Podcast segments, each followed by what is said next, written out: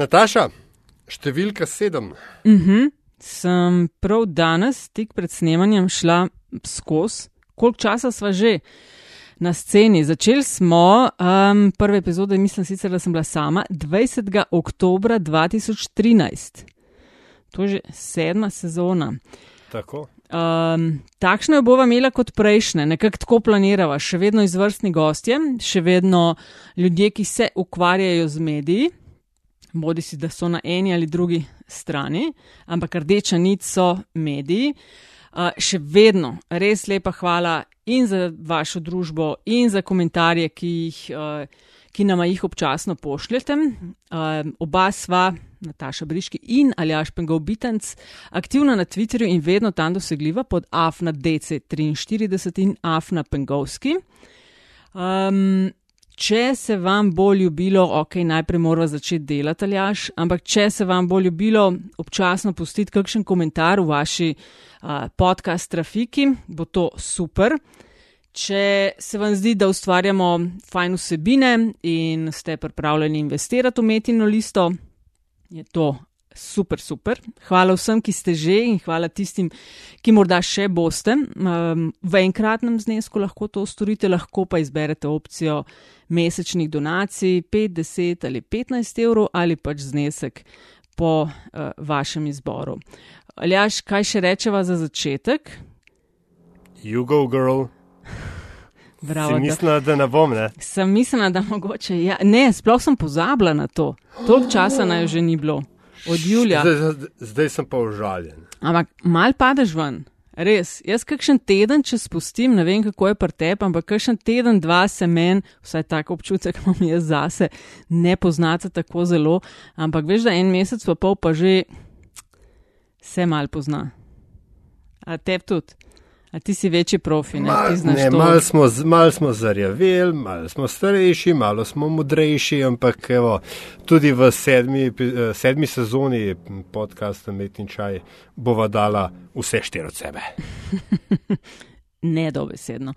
Uh, in kar smo začela ob koncu lanske sezone metinega čaja, s tem bova nadaljevala tudi v tej sezoni in sicer to je posebna rubrika Check Facting. Uh, tako da za naslednjo epizodo uh, že brusiva pete. Uh, check Facting pa je predstavljanje, kaj bomo rekla, neresnic, laži, izmišljenih zgodb, ki se širijo na račun EU. Ne? In bomo nekako zadje poskušala z gosti in gostjami pojasnjevati, um, pa mogoče kakšen kamenček v tem mozaiku, širjenja razgledanosti in vedenja o tem, kje živimo in kaj se tukaj gremo, uh, bova poskušala primakniti. No, ampak. Um, To si pa tako lepo povedal. Ja, čez globoko. Tako, če ima kdo kdaj kakšen predlog, kaj mogoče bi bilo fajn ne, z našimi gosti, ki so medici, uh, kdaj predebatirati, uh, pa zelo dobrodošli. ne. Uh, greva. Peva. Ok, se pravi, tema tokratne epizode, ki je številka 168 po vrsti, je prihodnost TV Slovenija, uh, tako da kar ambiciozno štartava v novo sezono, v jesen. Uh, kakšna, kakšna je jesenska schema ali sploh schema za sezono 2019-2020, kakšne so novosti? In uh, najna gostja je Natalija Gorščak, direktorica TV Slovenija. Natalija, zdravo. Torej, zanimalo naj bo tudi tvoje videnje, kaj je to po tvojem dobra televizija in sploh kako je krmariti tako veliko in vplivno barko, kot uh, je ta, uh, katere krmilo ti držiš v rokah. Tako da, Natalija, lepa hvala za tvoj čas, da si se nama, uh, da si prišla na met in čaj. In kot vedno začenjava te podcaste s tem, da gost oziroma gosti vprašava, da se, oziroma prosva, da se mal predstavi. Uh, ti si v medijih, nisi od včeraj, imaš impresiven CV, veliko stvari si že počela, ne samo v Sloveniji, ampak tudi na tujem, da je nas v kakšni minutki dveh se sprehodimo sk- skozi to, kje vse uh, si bila, kaj vse si počela. Ja, jaz lahko povem, da sem v bistvu medijsko pot začela kot uh, dijakinja gimnazije Tolmin, kjer sem ustanovila uh, dijaški radio.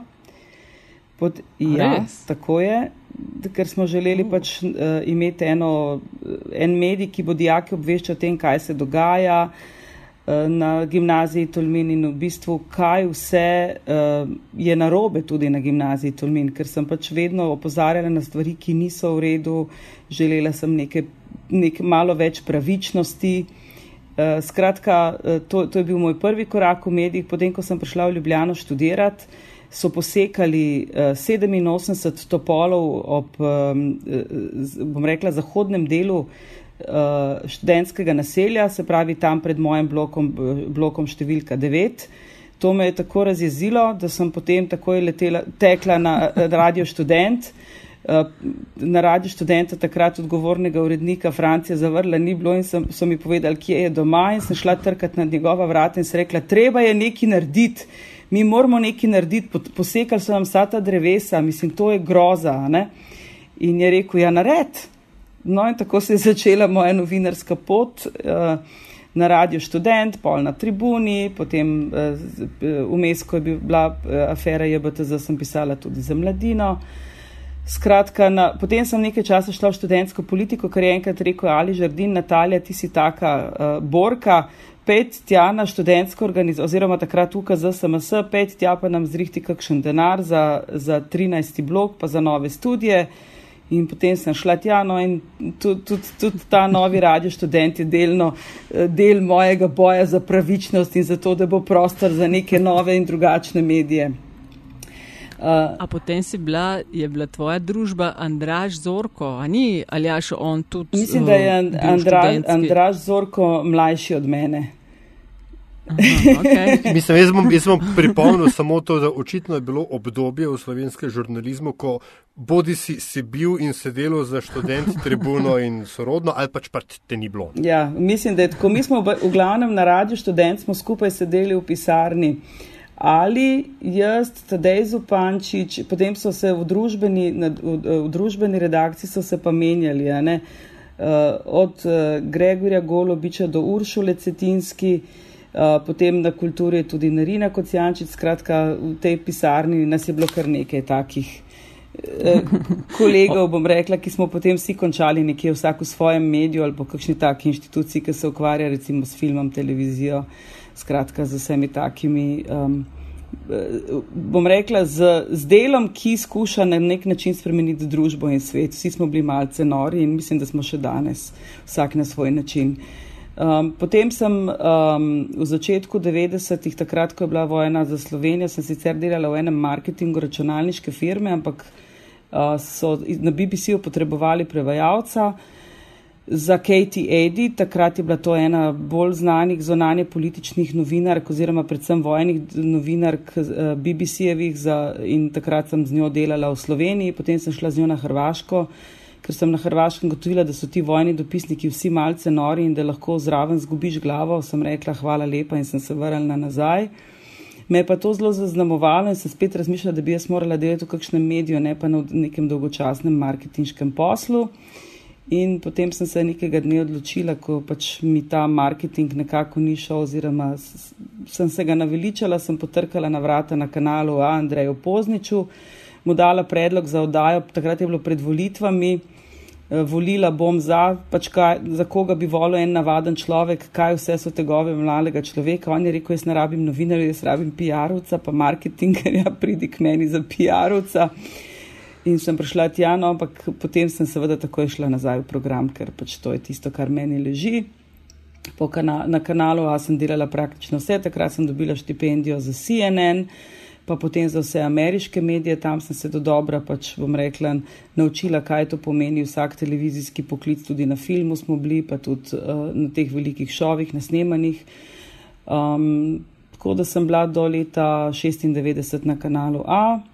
Potem sem pa prišla na nacionalko in sicer začela sem delati na Res je. Um, in potem delala še nekaj razvedrilnih šovov, Potem sem šla na porodniško, pa potem sem spet prišla nazaj v promocijo in PR, potem sem šla spet v program. Skratka, potem sem se nekaj svalkala tlele in ugotovila, da uh, tlele ni pravih izzivov za me. In potem sem enega lepega dne pač uh, napisala, videla, da ima EBU neko objavo za project managerja. Ki bi se ukvarjal z nekimi mednarodnimi projekti, ki bi bili, bili povezani s filmom in televizijo. In sem rekla, bom pa jaz kandidirala. In sem napisala en, pač pisala sem projekt, sem naredila Eurovizijski filmski teden, kako bi bila ta izmenjava filmov dobra za vse javne televizije, kaj bi vsaka od tega dobila in bila potem sprejeta. In potem ravno takrat, ko ste vi začeli z Metino listo, moram povedati, da sem Metino listo prvič poslušala v Ženevi. Ko so me opozorili na to, so mi poslali link in so rekli, da je posluši to. Tako da se prav spomnim, to je bilo takrat, ko smo mi delali te, ta Eurovizijski filmski teden, je ravno se začel dogajati in sem takrat poslušala uh, Metino listo, ker ko si v tujini, moram reči, da v bistvu še bolj spremljaš dogajanje v Sloveniji. Jaz sem bila takrat blazno na tekočem, kaj se je dogajalo, zdaj nisem tok na tekočem. Prvič zato, ker sem bila tam sama in sem imela dosti več časa, kot pa če imaš družino s sabo. Ne? In Aha. pa zato, ker imaš, neke, imaš vseeno neko nostalgijo. Ne? Jaz zdaj vse razumem, te, ki so se izselili, ki so neka, neka nostalgija, vseeno je. Um, se mi zdi, da, da šele ko si v tujini uh, ugotoviš, kaj vse so vrednote, ki jih v bistvu mi imamo in ki jih ne znamo dovolj spoštovati, in kako drug drugega ne cenimo dovolj, in kako ne cenimo vsega tistega, kar nam ta država daje, ker kljub temu, da vsi šimfamo to državo. Tlele bi pa jaz vedno mojega moža, ki prihaja iz Bosne, citirala, ki pravi, ki enkrat na enem večeri, ko so vsi kolegi slovenci se blazno pritožvali, kako to ni v redu, pa to pa on tako pravi, veste kaj je, pejte malo v Bosno, pa boste videli, kaj je to država. Tako da tukaj vseeno ni tako slabo, kot si mislimo, je pa to mlada država in dejansko eh, ne moramo pričakovati, da bo to razvita kot neka demokracija, ki deluje 100 let ali pa recimo vsaj 50 let. Ne smo le še lih, kar smo najstniško obdobje končali. V bistvu po, no, po novejših raziskavah si najstnik tudi še pr nekaj čez 20 let. Tako da po moje do 27 leta nam lahko vsi malo skozi prste pogledajo. Ne? Ampak Natalija, ani ravno to hočemo, ne? to hočejo, da v hipu, ko se mi odločimo, da bomo imeli državo, neodvisne medije, javno RTV hišo, da bo to zagotavljalo najviše in najstrožje standarde, za katere v resnici še sami čist ne vemo, kaj so, ampak vemo, da jih mora izpolnjevati. Tako je. In v bistvu najhuje je, ker ponavadi ne vemo, kaj bi radi. Mislim, da je najhujša težava celega sistema, predvsem pa javnega sektorja, sveda, da ne ve, kaj bi točno rata. Ne? Pa tudi brez vizije smo zelo. Ne? Slovenci smo, jaz sem enkrat popravljala eno doktorsko nalogo, lektorirala sem včasih za kratek čas, ker sem imela krasne, krasne profesorje slovenščine nekoč. Um, sem pre, v glavnem lektorirala sem doktorsko nalogo, um, da, ki, je, ki je dokazovala, da smo samomorilski, slovenci samomorilski narod.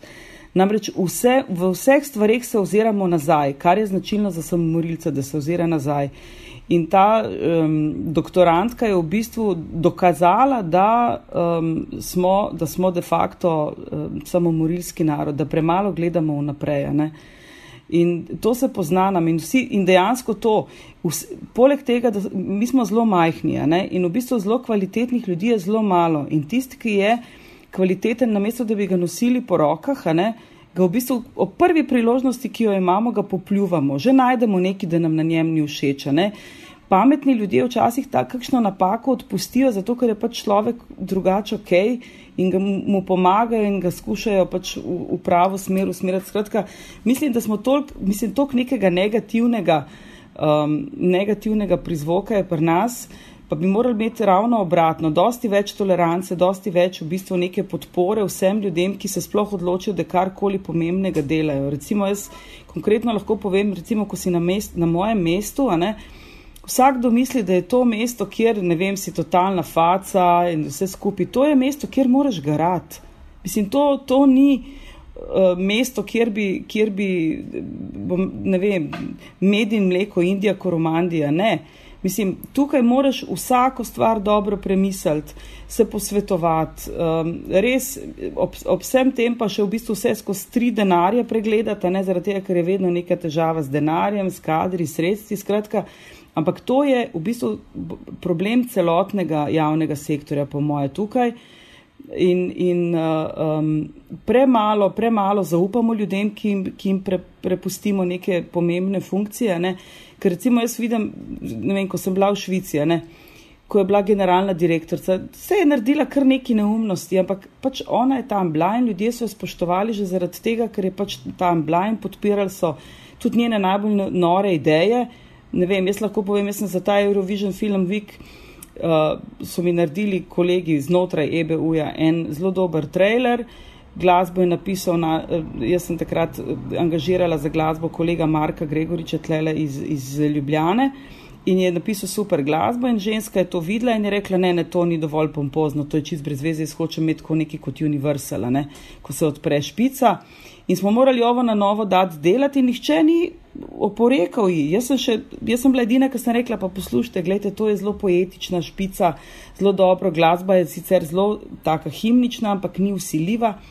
Noben, noben je ni upal oporekati, vsi so rekli, ok, ti, ti si na koncu odgovorna, pač ti si tista, ki boš povedala, kako in kaj. Tako da tlele so recimo dosti različne navade. Tudi recimo, ko ti delaš v tujini, noben te ne vpraša, si delal kakšno uro več, kakšno uro manj. Ali si, ne vem, pač stvar mora biti narejena. Zdaj pa, če ti delaš celo noč ali pa delaš samo čez dan, je to tvoj, tvoj problem. Um, se pravi, tukaj, tukaj so po drugi strani, ne, je pa, vem, ena stran, ki sem, ki sem jo jaz pa tam spoznala, je, da recimo pri nas vsi drug drugmu priskočimo na pomoč, kar je recimo ena zelo, zelo dobra lasnost ljudi, ki delamo v Sloveniji. Ne. Tlele so ljudje zelo, zelo solidarni, zelo si žel, mislim, želijo pomagati kolegu. Tam nimaš pomoči, tam redko kdo da ti bo pomagal. Mogoče, če je kakšen, ne vem, iz vzhodne države, kakšne mogoče, ampak teh je zelo malo, pa kakšni, recimo, ne vem, španci ti bodo še pomagali, francozi ti bo pomagal, belgic, skandinavc, ki je pa ni šanse. Tako da eh, to so vse ene stvari, ki jih recimo mi pri nas ne cenimo. To, da si pomagamo med sabo, da vseeno si dovolimo, da kakšne stvari skupaj predebatiramo, ker tega tudi tam ni. Ne? Pač vsak naredi svoje, vsak mora imeti svoje stvari pošlihtane in noben ga ne briga, če ti hočeš s kom kaj in mogoče še enkrat predebatirati, ker se ti zdi, da nisi čist dost, dob, dost dober.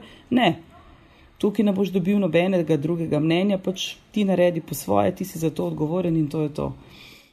Ok, ampak gledaj, recimo, se pravi, eh, job, ki ga imaš ti zdaj, ne, funkcija, ne, je nekaj, um, kar se mi zdi bolj spada v tiste prve del opisovanja narodovih lastnosti. Ne. A v resnici so se vsi pomalem otepali tega joba, ampak vsi točno vejo, kako ga moraš ti delati. Tako je. In me zdaj zanima, kako se to poveže z tem drugim pozitivnim delom, se pravi, kako ti pomagajo, uh, kako so ti preskočili na pomoč in kakšen je ta rezultat, ki ste, ali pa pravi, načrt za dosego rezultatov, ki ste si ga zamislili. Um, jaz sem si v bistvu naslonila na odgovorne urednike, ki seveda so, so tisti, ki so tvorci pač programskih vsebin. Uh, To je pri nas nek specifikum, da pač direktor tlele nima kaj dost uh, besede, ne? in pa na svoje pomočnike. To po eni strani. Ne? Kar se pa tiče tega, da v bistvu vsi veliko pričakujejo, ja. Um, pričakovanja so vedno dosti večje, kot, kot pa bi, bi bila, če bi ljudje realno pričakovali. Realno je tudi to, ko recimo vprašanje na začetku, ne, ki ga je postavila Nataša, kakšni so zdaj spremembe jeseni, kaj je novega. Um, lahko rečem, da v bistvu kakšnih velikih sprememb tukaj na javni televiziji človek sploh ne more delati. Recimo, jaz vem, da na komercialni televiziji to je najmanjša, najmanjša težava. Lahko dosti hitro zamenjaš tako programsko schemo kot programske vsebine, ljudi naučiš drugače delati, tukaj to ne gre. Najprej zaradi tega, ker je to en sistem, ki že vrsto leta, ne, vsi, veliko ljudi se v tej hiši zelo, zelo z veseljem pohvali, da že vrsto let delajo eno oddajo in to na isti način. Ne. Mi pa vemo, da že v zadnjih petih letih ne, je, ponud, je način ponujanja televizijskih vsebin, je način produkcije televizijskih vsebin se tako drastično spremenil, da kdor kaj tazga izjavi, v bistvu sam sebe popluva ali pa že 20 let sem v tej hiši in ne vem, to delam tako in zdaj si ti prišla in kdo si ti, da mi boš pač, ne govorim, da je to meni, ampak nasplošno so to taka razmišljanja ali pa ne vem, sem prestara, da bi letala po terenu. Ne vem, sem prestara, da bi delala to in to, ali pa ne vem. Vsak pa, ki je še mlajši, pa pravi, jaz, imam, jaz pa bi bil pa že kar voditelj.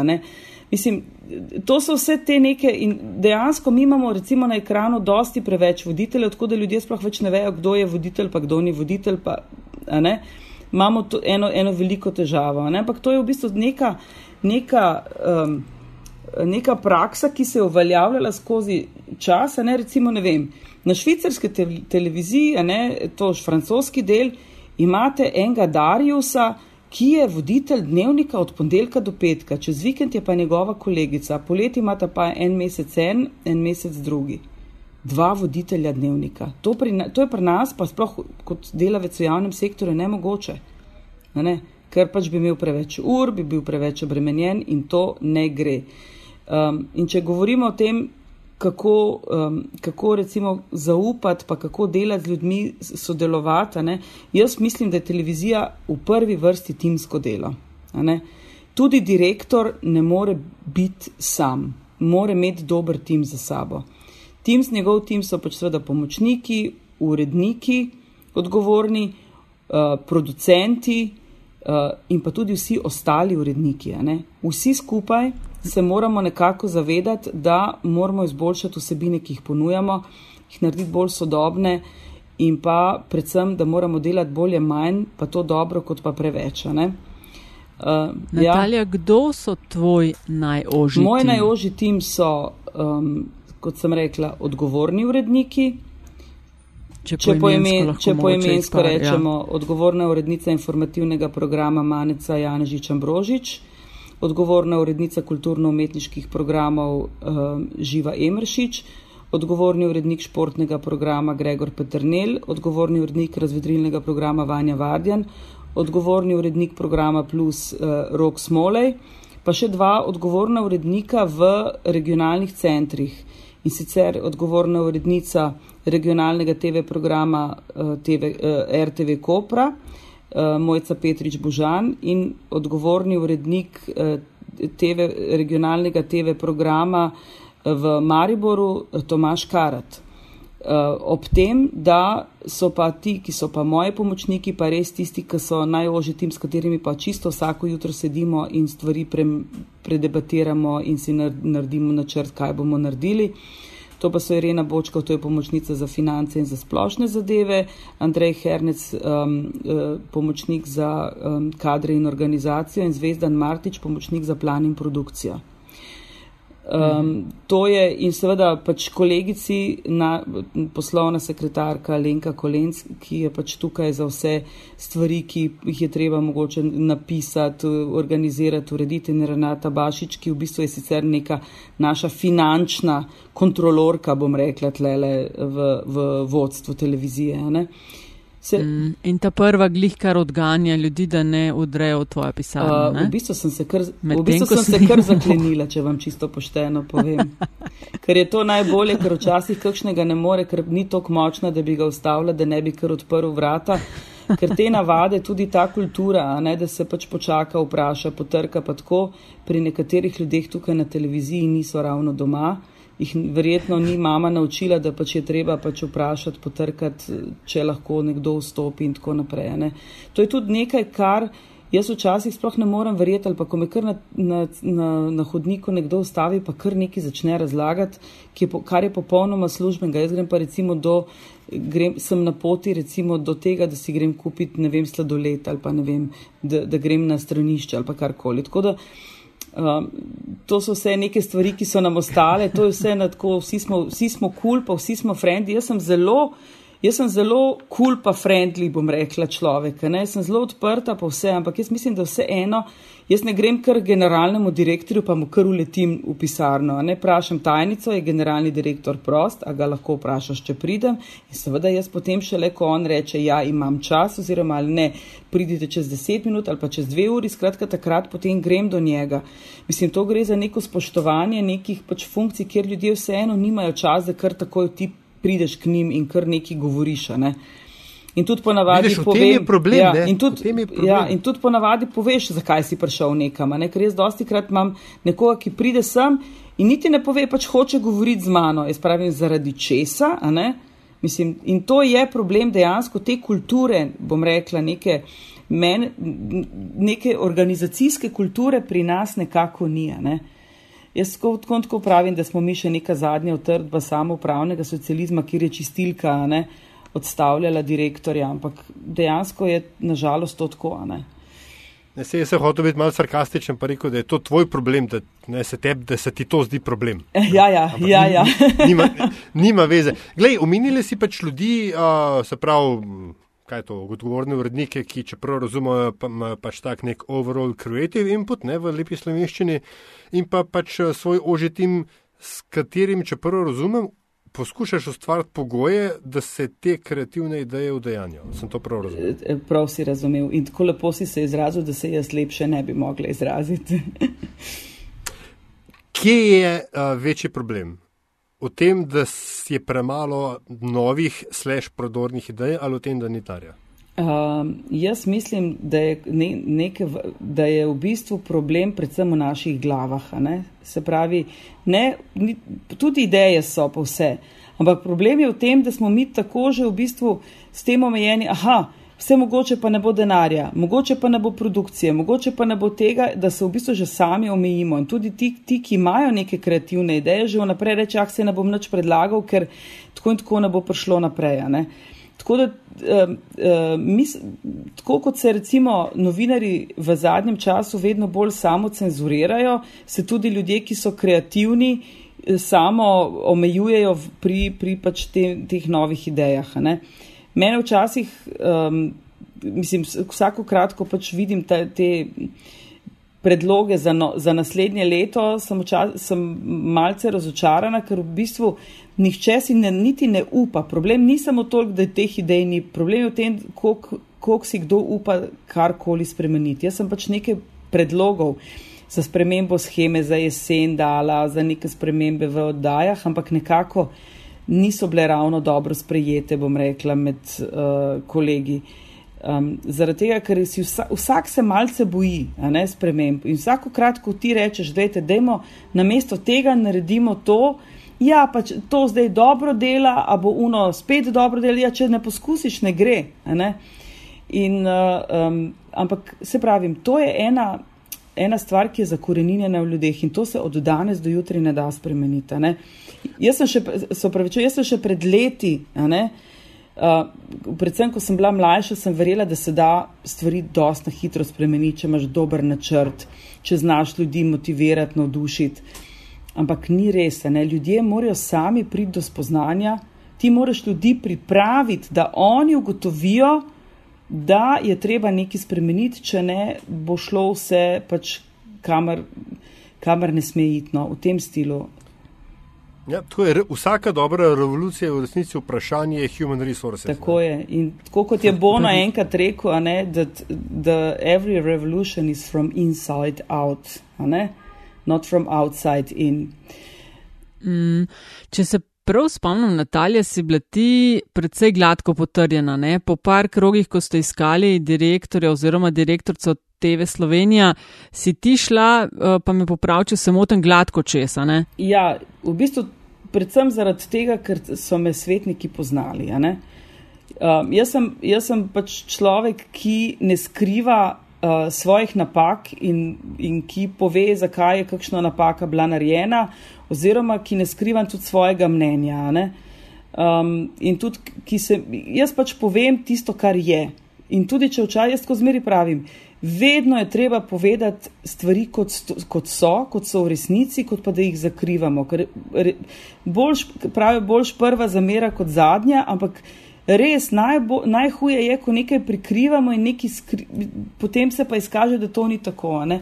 Mislim, natočimo si čistega vina in sploh se mi zdi na splošno slovenci kot narod, ne? stvari zelo radi pometajo, pometamo. Jaz nisem tam med temi, ki radi pometajo pod preprogo. Mislim, vse je na tako, na, na zven mora biti vse super, vsi smo prijazni, vsi smo frendi, ampak za hrbtom, ne, takrat, pa, takrat je pa vse narobe. In tudi, recimo, ne vem, ena stvar, nekaj smo naredili narobe, narobe smo se odločili. Ne? ne vem, če, če sem se narobe odločila, jaz, ja, jaz sem se odločila za eh, narobe, ker sem v tistem trenutku mislila, da imam prav zaradi tega, tega in tega. Ker recimo, ne vem, mi smo imeli zdaj včeraj pač prenos papeževega obiska pri Pedru Opeki. Najprej smo načrtovali, da bo to samo na spletu, ker je bil tudi nek šport načrtovan, ampak tudi ker pač uh, uh, nekako nismo vedeli, ali bo ta zadeva dosti dobro organizirana, da bomo lahko šli v live komentar ali ne. In ko sem pač od, od uh, Jožeta in, mož, in, in Romane v petek dobila sporočeno, da, to, da imata že vse tekste, da je stvar super pripravljena, se je bilo treba odločiti in sem rekla, ja, gremo na drugi program, zadeva je tako dobro pripravljena, da gremo lahko tja. Če bi pa pač v tistem trenutku presodila, da zadeva ni tako dobro pripravljena, da bi šli lahko v live prenos, bi rekla, ne ostanemo, pač gremo samo na, na splet, zaradi tega, ker je na, na televiziji preveč tvegam prenosa. Ne? In pač nekaj argumentov, jaz mislim, da zaradi tega sem bila potrjena, ker skušam vedno z argumenti pač utemeljiti tisto, kar, kar pač povem. In, in tudi, mm -hmm. če me karkoli vprašajo, recimo, ne vem, oni so me vprašali, enkrat je bilo vprašanje, um, to na, naj, naj, bom rekla, stvar, ki ponavadi naj, oddaji, ki najbolj, bom rekla, uh, dvigata prah pričevalci in spominja. Ne? V bistvu, kao, če, če bi bila jaz za ukinitev pričevalcev in spominov, sem rekla, gledajte, jaz, jaz bi bila, ampak. Povejte vi, svetniki, bi to potrdili ali ne bi potrdili? In potem je bilo tiho, nohče ni nič več rekel. Dejstvo je, da pač jaz vem, da ene stvari, recimo v PPN-ju, če, če bomo če karkoli. Ja, kaj je PPN? PPN je programsko-produkcijski načrt, se upravičujem, to je naš tak že tehnični ja, ja, termin okay. na televiziji. Zdaj, ko pripravljamo PPN, veste, ko karkoli recimo bi mi črtali, ne, da bi jaz rekla, gledajte, zdaj pa tega ne bomo imeli, pa čeprav imam jaz argumente, jaz vem da če to ni skomunicirano z avtori, če to ni skomunicirano vem, z zadnjim človekom, ki bi lahko pač uh, vse, vse miniral, je to nesmiselno narediti. Zaradi tega, ker ti pade vs programsko-produkcijski načrt zaradi ene stvari. In to je problem te hiše. Da v bistvu vsi ljudje, ki imajo neke osebne interese, recimo hočeš ukiniti eno oddajo, ki že dolgo časa ni več, mislim pač ni. Zgubila je vse, pač, izpela se je, skratka, treba je vse skupaj, pa v schemi je treba nekaj spremeniti in tako naprej. Uh, takoj se bo našel tisti, ki je tlele v hiši pač nekako prizadet, šel bo do par programskih svetnikov in pripravil vprašanja, šel bo zunaj hiše, bo pripravil novinarje v zunaj hiše vprašanja in potem boš ti dobil to in potem bo letelo perje in, in enostavno ne boš mogel nič narediti. In to je največji problem pri nas. To, da, ljudje, da si ljudje dovolijo, da bom rekla, razsuvajo hišo zaradi svojega lastnega interesa. Ne vidijo velike slike, so, so, to so posamezni vrtički, ki so tukaj že vrsto let in ki jih novi ljudje, ki prihajajo, v bistvu se obnašajo na isti način. Način obnašanja, ta organizacijska kultura na, pri nas je pač taka, da vsak brani svoje, ne glede na to, se, kakšno pogorišče je okrog.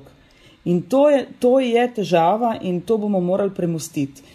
Formule, kako to premustiti, v bistvu druge kot s tem, da ljudi izobražujemo, da jim pokažemo, kako druge delajo, da jim pokažemo, da to ne, da, da tak način dela ne dosega takih rezultatov, bi, kot si bi jih želeli in da tudi ne moramo biti zadovoljni. Mi nimamo slabe gledanosti, sploh ne niti prepoznavnosti, tudi ljudje, ki se oglašajo, varuhini, ki, ki kritizirajo, to pomeni, da nas gledajo, da so kritični, da še vedno jim je mar za nas. E, da mi kljub tem, mislim, mi tega ne bomo presegli, če ne bomo spremenili nekaj. Ne?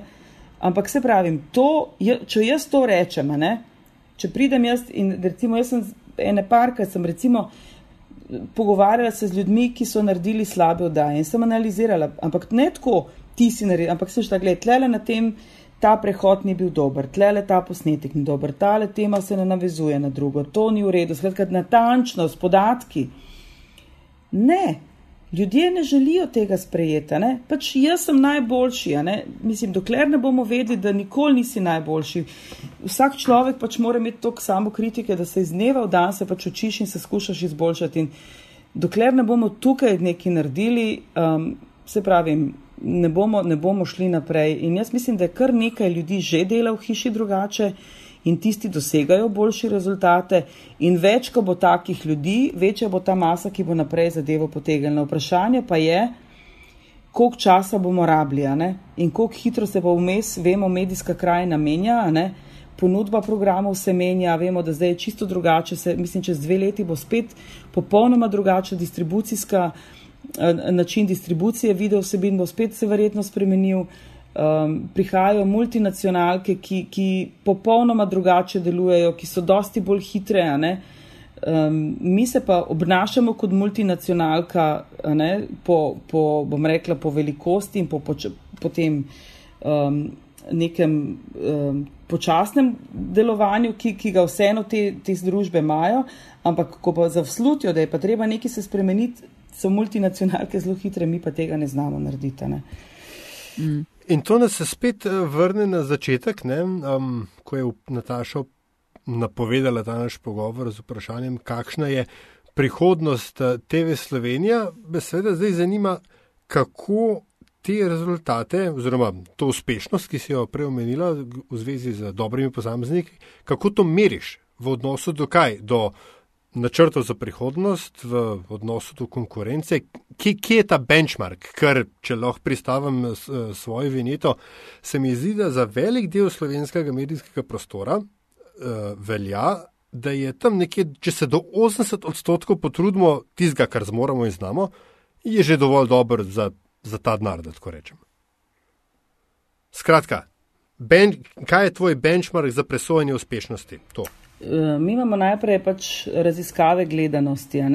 Kakršna koli že je raziskava AGB, in uh, zdaj je bil narejen en pregled vzorca AGB Audit, ki bo konec septembra znan tudi javnosti, uh, kjer bo pač razvidno, uh, kakšnega bom rekla, um, kontrolorja gledanosti ima. Kakršen koli že je, to gledanost nam pač pokaže trende. Naš trend je, da smo od lanskega leta do letošnjega leta na prvem programu zrasli, na drugem smo pa padli. Razlog za druge, to, da smo padli na drugem, je, da, da pač nismo imeli nobenega velikega športnega dogodka, tako kot smo ga imeli um, let, lansko leto, svetovno prvenstvo v nogometu. Ampak po drugi strani smo pa tudi na drugem programu padli, ker nismo imeli ne popoldanske nadaljevanke, ne večernih stvari. Tako da en, ena stvar je gledanost, ne to vedno pravim.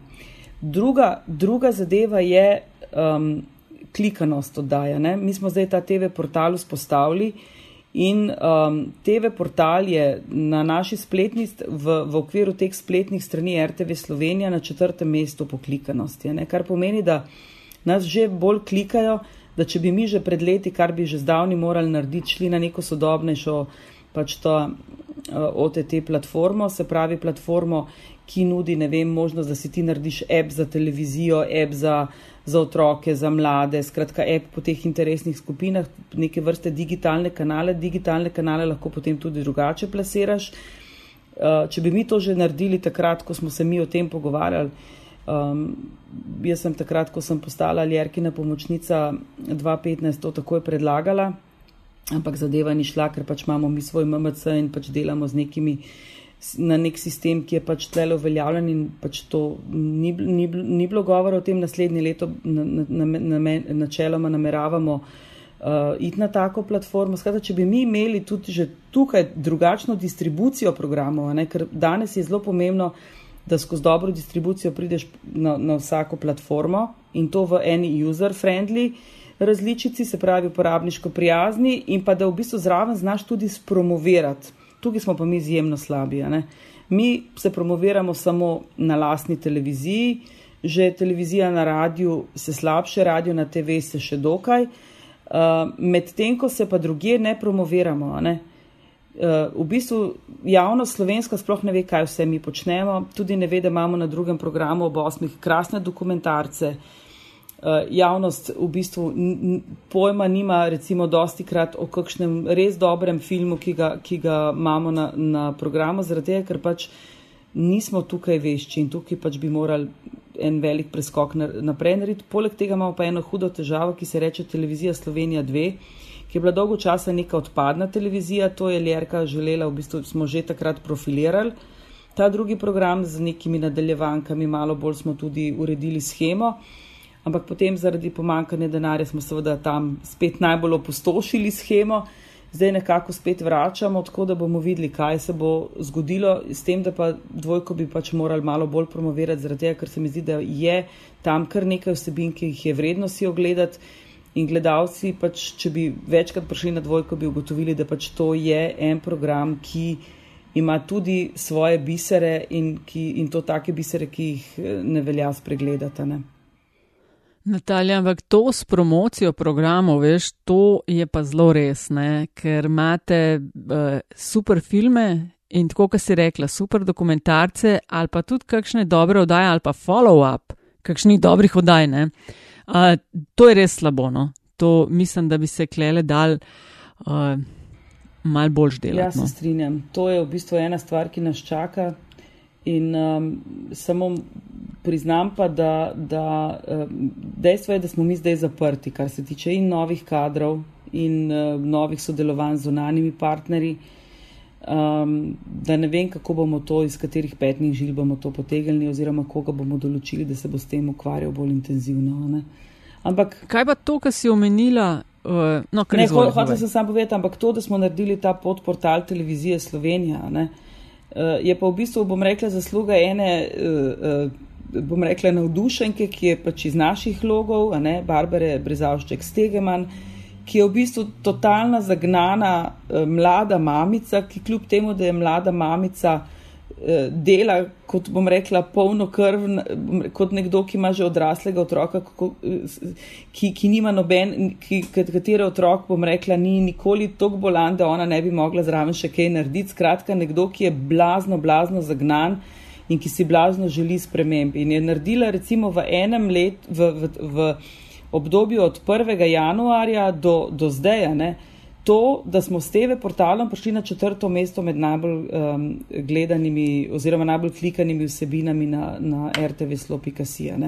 Skratka, to je v bistvu, imamo ljudi, sam mogoče včasih se kje skrivajo, sej nekako skušamo motivirati, da, da bi mogoče kakšen prelezel z kakšne lukne, pa, pa rekel, jaz pa želim delati in, in pokazal dosti entuzijazma in seveda, da bo dobil priložnost, to pa definitivno.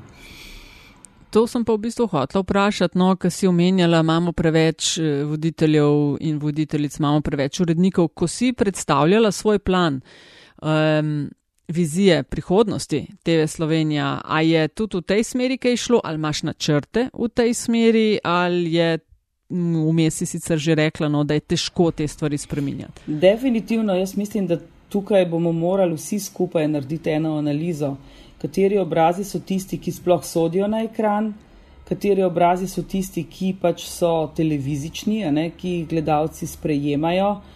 Um, in uh, v bistvu se pač dogovoriti s tistimi, ki pač teh no, meril ne izpolnjujejo, da pač tega ne počnejo, mislim, jih pač odmakniti z, z TV ekrana, to je preprosto. Ne.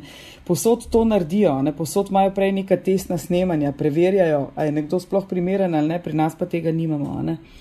Tako da včasih smo v razvedrilnem programu imeli vedno, ne vem, ena testna snemanja, vedno smo selekcijo naredili ne, in smo povedali, ta je dober, ta ni dober, skratka, in od tam izbrali ljudi, ki so potem res zasedli male ekrane. Zdaj pa žal ni to tako več. Tako da tlele smo, zgubili smo kar nekaj profesionalnih kažipotov v, v preteklosti in mislim, da jih bomo morali buditi. Mhm. Uh, povedala si že marsikaj, kaj ni fajn, pa ne dela, no, ampak kaj si tako gro plan me zanima, ne kaj bo novembra, pa decembra, pa tako, ker izvoljena si za štiri leta, ne, če se vmes ne bojo kakšne dramice. Kje ti vidiš ali pa hočeš videti televizijo čez zdaj eno slabo leto že mimo, ne? Kje ti želiš videti čez tri leta, ne? Kaj je bil tvoj plan, ko si prepričevala svetnike in svetnice, da je tvoja kandidatura ali pa zakaj naj se odločil zate? Kaj si hotela drugače delati? Jaz v bistvu imam de facto, bom rekla, tem, kot, kot direktorica pet mesecev, ker ve dejstvo, to je v bistvu Sizifovo delo. Tam si, si v bistvu, si pa te ni, tako da praktično nič ne moreš narediti. Kar jaz vidim, da lahko naredimo, je, da lahko izboljšamo formate, ki jih imamo, pripravimo manj oddaj, se pravi manjše število teh nekih oddaj, ampak tiste, ki jih pripravljamo, pa pripravljamo, bom rekla, redno in kakovostno in poglobljeno. Dejstvo je, da se premalo poglabljamo vsebino in prehitro smo zadovoljni in, in to, to je prva stvar. Poleg tega pa sam pristop. Mi imamo pristop, zdaj, to, to je grozno pač reči, ampak v večini primerov je to pristop še vedno iz konca 80-ih, začetka 90-ih let. Pa tudi na pretirano želimo biti neki seriozni, pa ne vem, javno dobro vzvišeni. Mislim, tudi na javnih televizijah se je ton, ne, govorimo o tonu. Ne. To ne pomeni, da si ti. Eh, da imaš nizek registr jezika, da si zabavljaški, ampak je tvoj ton prijaznejši, um, uh, bolj se zna približati človeku, tudi kamera je zato prijaznejša, tudi sam. Vse je v bistvu tako, da se bolj približa, ker dejansko danes je toliko ponudbe, da če ti ne znaš na pravi način pristopiti do gledalca, pač gledalca ne boš imel. Ne? Če, si ti samo, če si ti stojiš pred kamero in misliš, da si najboljši na svetu, zagotovo te bo vedno manj ljudi gledalo. Ker se vsi tako trudijo, da bi prišli do gledalca. Zdaj te poceni finte, seveda pač niso v redu. Ampak eh, prijaznejši ton, pa, pa modernejši ton, ne, se pravi, moderno pomeni, da ne govorimo uh, v spakedrani ljubljanščini, da govorimo vseeno v nekem splošno pogovornem jeziku, ampak da ne govorimo več na način, ki je odmaknen od gledalcev. Ne? ne vem, a se moramo vedno, a moramo vedno povedati uh, hvala za pogovor ali pa dober dan, uh, uh, kako lepo, da ste prišli v studio, kako lepo, da ste naši gostje. Mislim, nimamo več časa za to. Ne? Dobr dan, pa gremo. Prvo vprašanje. Ne vem, na koncu, hvala na svidenje, ne pa hvala, ker ste bili moji. Mislim, To so take neke malenkosti, zdaj govorimo o teh najbolj banalnih primerih, uh, ampak so, so tudi druge stvari. Ne pa tudi to, recimo, ne vem, se mi zdi, da smo uh, dosti krat pri metodah izpraševanja, ne, da smo ali preveč um, postali, vem, populistični, ne, po eni strani, po drugi strani si pa kar ne upamo direktno vprašati. Ne. Populizem v smislu, vem, ali boste odstopili, mislim, na javni televiziji, zakaj bi sprašvali, boste odstopili. Pokažeš, kaj se je vse zgodilo in poveš, potem naj pa sam gledalec pač razmišlja o tem, a je smiselno, da odstopi ali ne. Skratka, to so neke stvari, ki se mi zdi, da, je, da smo jih nekako malo tekmovali s komercialko, malo smo bili zagledani v našo preteklost in potem smo se kar nekje izgubili. Ne? Um, šef, eh, mislim, šef, človek, ki me je naučil delati radio, potem ko sem mislil, da radio že znam delati, mi je rekel: um, Glej, nared eno uro programa na dan, ampak tisto nared dobro, v staro je lahko muska. A? To se mi zdi, da se nekako nekak ta navezuje na to temo, ki si jo rekla. Se pravi, treba narediti mogoče malo manj, ampak to, kar bo ostalo, pač to, to boš narediti. V preteklosti je bilo ene, ene par projektov, um, ki so zelo, zelo obetali. Um, recimo Extravizor, ne? Ki, ki je, vse sem se prav. Ja, ja, upam, si, ja, ja a, a, st, tudi, recimo, za moje pojme so. To, takšen projekt ali pa podobni so stvari, ki jih bi rabili več in bolje, in so, za kateri je jasno, da porabijo cel kup resursov. Ne?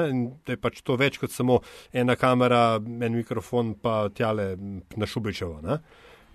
Ja, Kaj je tisto, boste, kar, kar boste več delali? A je to kleke, ja boste kled in tekmovali z novimi um, medijskimi prijemi? Ali...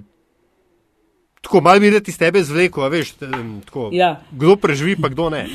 Eh, definitivno je raziskovalno novinarstvo ena zadeva, ki, ki je pač prihodnost javne televizije, to vsi vemo. Um, uh, prihodnost javne televizije so tudi novi izobraževalno-razvedrilni formati.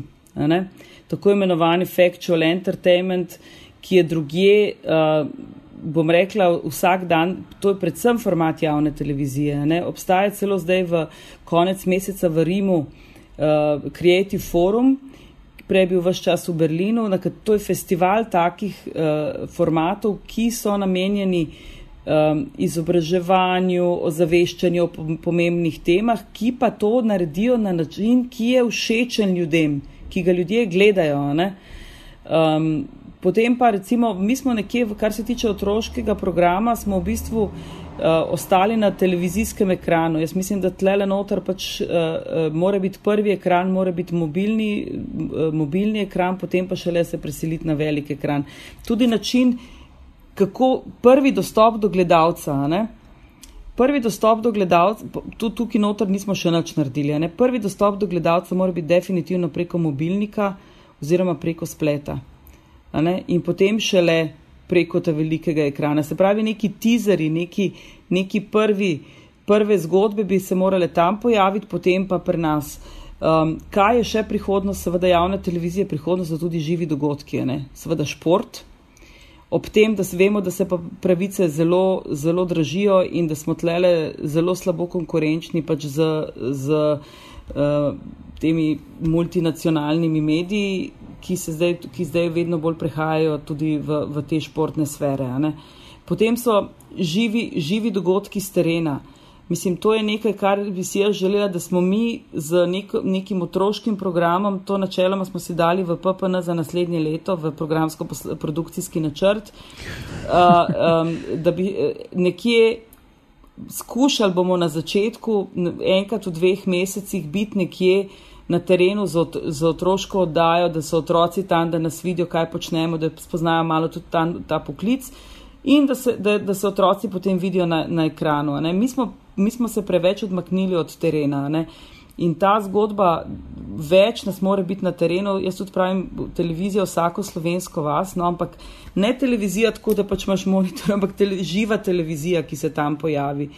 Neki pogovori, ki se od tam dogajajo, recimo ta dan v prekmurju, ki smo ga imeli, je naletel tako med gledalci kot ljudmi v prekmurju na blazno velik odmev. To so stvari, ki jih moramo delati. Naslednje leto, recimo, nameravamo delati um, iz uh, Trsta, če se bomo uspeli seveda dogovoriti, da to lahko tam delamo, sto let požiga Narodnega doma v Trstu, pa sto let plebiscita potem iz celovca. Uh, neke te nacionalne, za nacionalno pomembni dogodki, ki morajo iti na nek drug način, bolj, bolj blizu ljudem. Uh, Uh, ugotovili smo tudi, da so ljudje zelo veseli, ko lahko sami nekako participirajo pri programu in to je definitivno tudi, uh, bom rekla, bodočnost televizije, ta participacija gledalcev, ki recimo to, kar delamo v oddajah Dobro jutro vsak petek, ko je nekje zbrana skupina žena, uh, um, obrtnikov, ne vem, skratka, to so ti razno razni aktivi kmečkih žena, turistične organizacije, pa obrtne zbornice, pa tudi zato, eh, eh, Zveza društva upokojencev Slovenije, ki se nekako skupaj povežejo in naredijo nek dogodek in tam potem pokažejo vse, kar je v kakšnem kraju. To bi človek rekel, da mogoče gledalcev ne zanima, ampak po, po rezultatih gledanosti in po odzivih jih strašno zanimajo take stvari. Tudi to so, to so vse zadeve, ki morajo ob tem pa, kar si pa jaz zelo želim, da ne zgubimo tega, eh, temu se pač bo reklo tako, shiny floor razvedrilnih hodaj. Se pravi, razvedrilnih hodaj na zelo visokem nivoju, kjer je eh, zelo kakovostna glasba, kjer je zelo dober scenarij, kjer je humor na visokem nivoju, ki eno tako res kakovostno oddajo bi javna televizija morala imeti, pa, tle, pa je nimamo. Imamo samo emo enkrat na leto in to je vse. Eh, tako da to so te stvari, ki bi jih pač si mi želeli, seveda zdaj v okviru vsega, kar imamo, je vprašanje, ali nam bo to uspelo. Uh, moja želja pa je tudi ta, da, da, um, da bi bila naša produkcija taka, da bi postala v večini primerov tudi učni pripomoček, ker se mi zdi, da z nekimi dobrimi uh, izobraževalno razvedrilnimi vsebinami uh, v bistvu lahko podpiramo tudi um, delo v šolah, ker vemo, da tudi naše šolstvo je podobno kot RTV Slovenija, še malce tam v 80-ih letih, tudi ne sledi ravno novim trendom. Tako da uh, to, to nekako bi bila. Um, pa, še, pa še to se mi zdi, da je, da je zelo pomembno, da so novice, ne, ki jih podajamo, v bistvu že takoj, ko, ko jih dajemo, da so s komentarji. Ne, ne da imamo v bistvu novinarje, ki grejo, ki si upajo komentirati, ki imajo svoje mnenje. Ker se mi zdi, da ta, to, da ima nekdo svoje mnenje in ga zagovarja, pa naj bo še tako v eno ali v drugo stran, se mi zdi, da je zelo pomembno vseeno tudi za javno televizijo. Ker na tak način se tudi gledalstvo pač nekako nauči oblik, mislim, ne nauči, ampak eh, sliši različna mnenja in si potem ustvari nek, neko svoje, oziroma ali se pa nauči kaj od teh, ki ta mnenja dajajo. Ne? Omenjala si, da boste, da želite ukrepiti to neko izobraževalno vlogo, ne? pa sam to še zanima.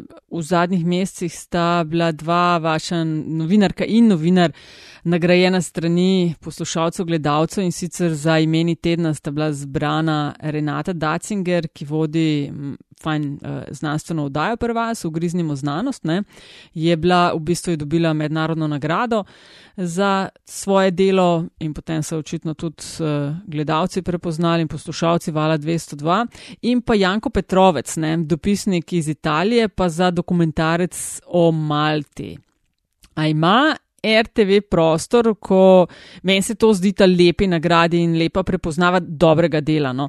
A, imaš ti proste roke, ko se kaj takšnega zgodi, da tudi na nek način nagradite te ljudi, ali je pač v tem sistemu, v katerem delujete, je čisto ena, zdober ali si slab, linija je. Ne, ti, ljudje nagraj, ti ljudje dobijo potem RTV, um, RTV nagrado konec leta, ki je tudi finančna. Um, obe, jaz, jaz prostora nimam za to, definitivno. Skratka, se nekaj prepozna. Ja, se prepozna, ampak jaz bi še nekaj povedala. Ne? Renata Dacinger je dobila za, uh, nagrado za oddajo Griznimo znanost, ki jo so ustvarjajo še vsaj tri do štiri ljudje. Uh, ona je samo tista, ki nosi Seveda, delo. Ja, ekipa cela. In tukaj ja, ja. je v bistvu, jaz mislim, da tlele je treba vedeti, da je scenaristka, uh, mislim, imamo različne scenaristke, ki so tlele. Mislim, mene to v bistvu, kot jaz sem bila vse čas človek, ki sem delala za ekranom, ne, v senci, ne, zato me je tudi nekdo uh, v mhm, nekem mm -hmm. desnem časopisu imenoval siva miška, ne, pa nisem daleč od tega, da sem siva miška. Blondci, ja, ne, če je točno to. Ne. Um, sem kvečemo kakšna mačka, ampak, ampak ne siva miška, ampak ok. okay. Uh, to veš, da te to veš, da boš pristala v kakšni izjavi. Vem, no, grem, gremo naprej. Sej, ja, sej. No, ampak uh, govorim, govorim samo o tem, da, da oddaje vedno ustvarjajo, na, na televiziji vedno ustvarja skupina, ekipa.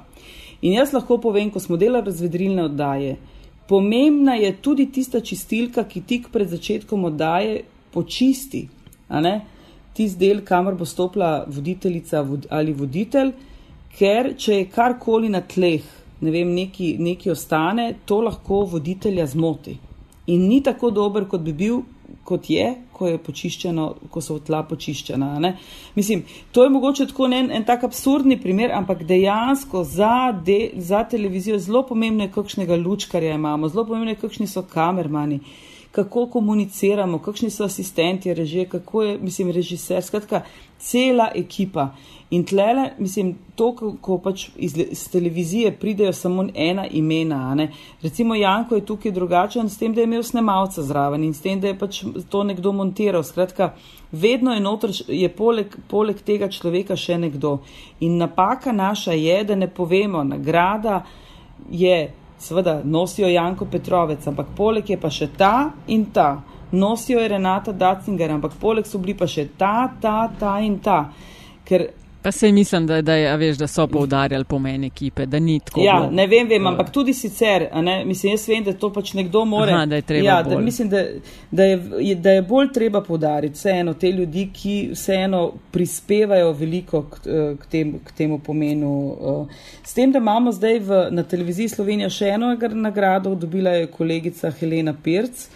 Za en kratek um, uh, uh, filmček o solinarkah, uh, To so zgodbe iz arhiva, to je v bistvu to združenje mediteranskih televizij, bo podelilo 3. oktober in nagrado, ko je bila izbrana med petimi ostalimi filmčki. Tako da tudi imamo še eno Aha, nagrado. Bravo, da, pa recimo lansko leto, so, ki je dobil Kristjan tudi dokumentarni film.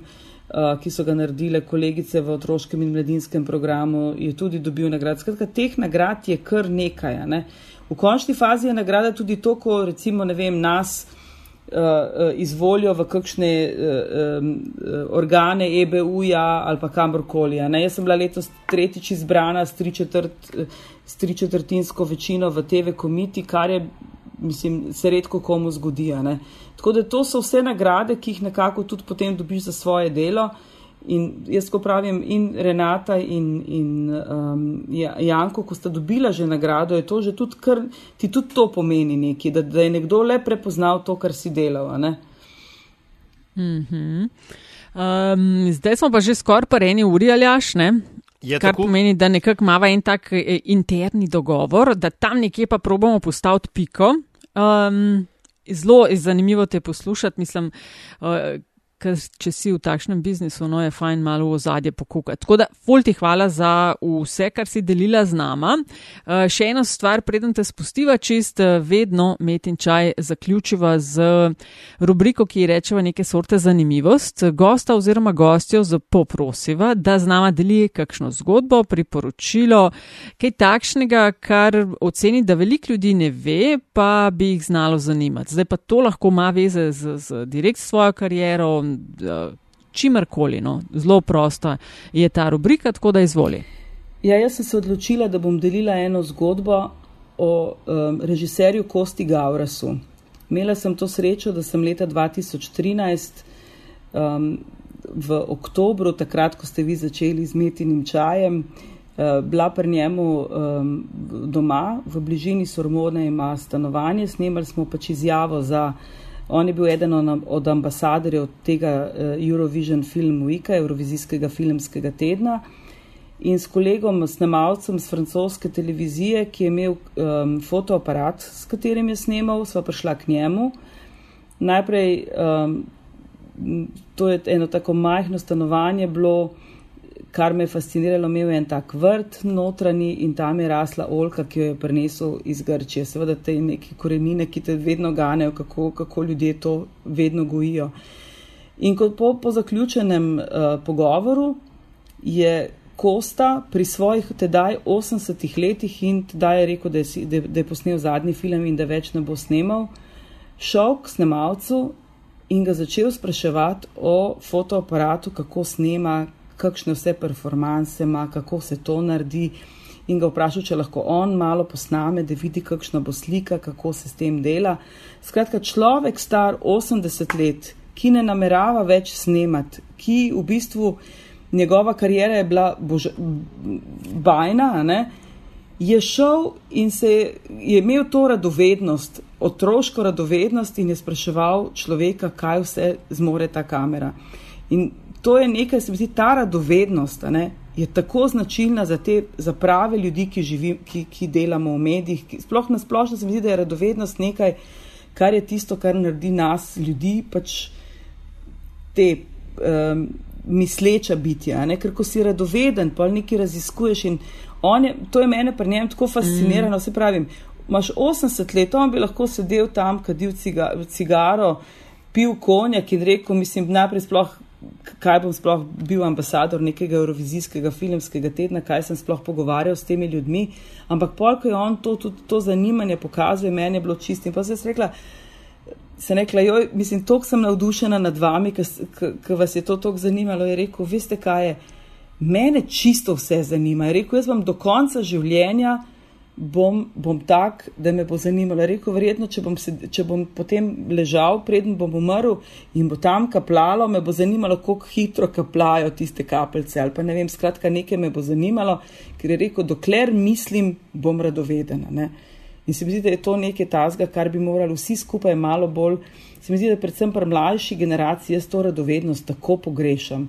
Res, radovednost se mi zdi, da je tista, ki. ki nas lahko reši, ker tukaj pol razkrijemo in vse afere in, in prikažemo vse, vse dobre stvari, ki jih ima kakšna stvar.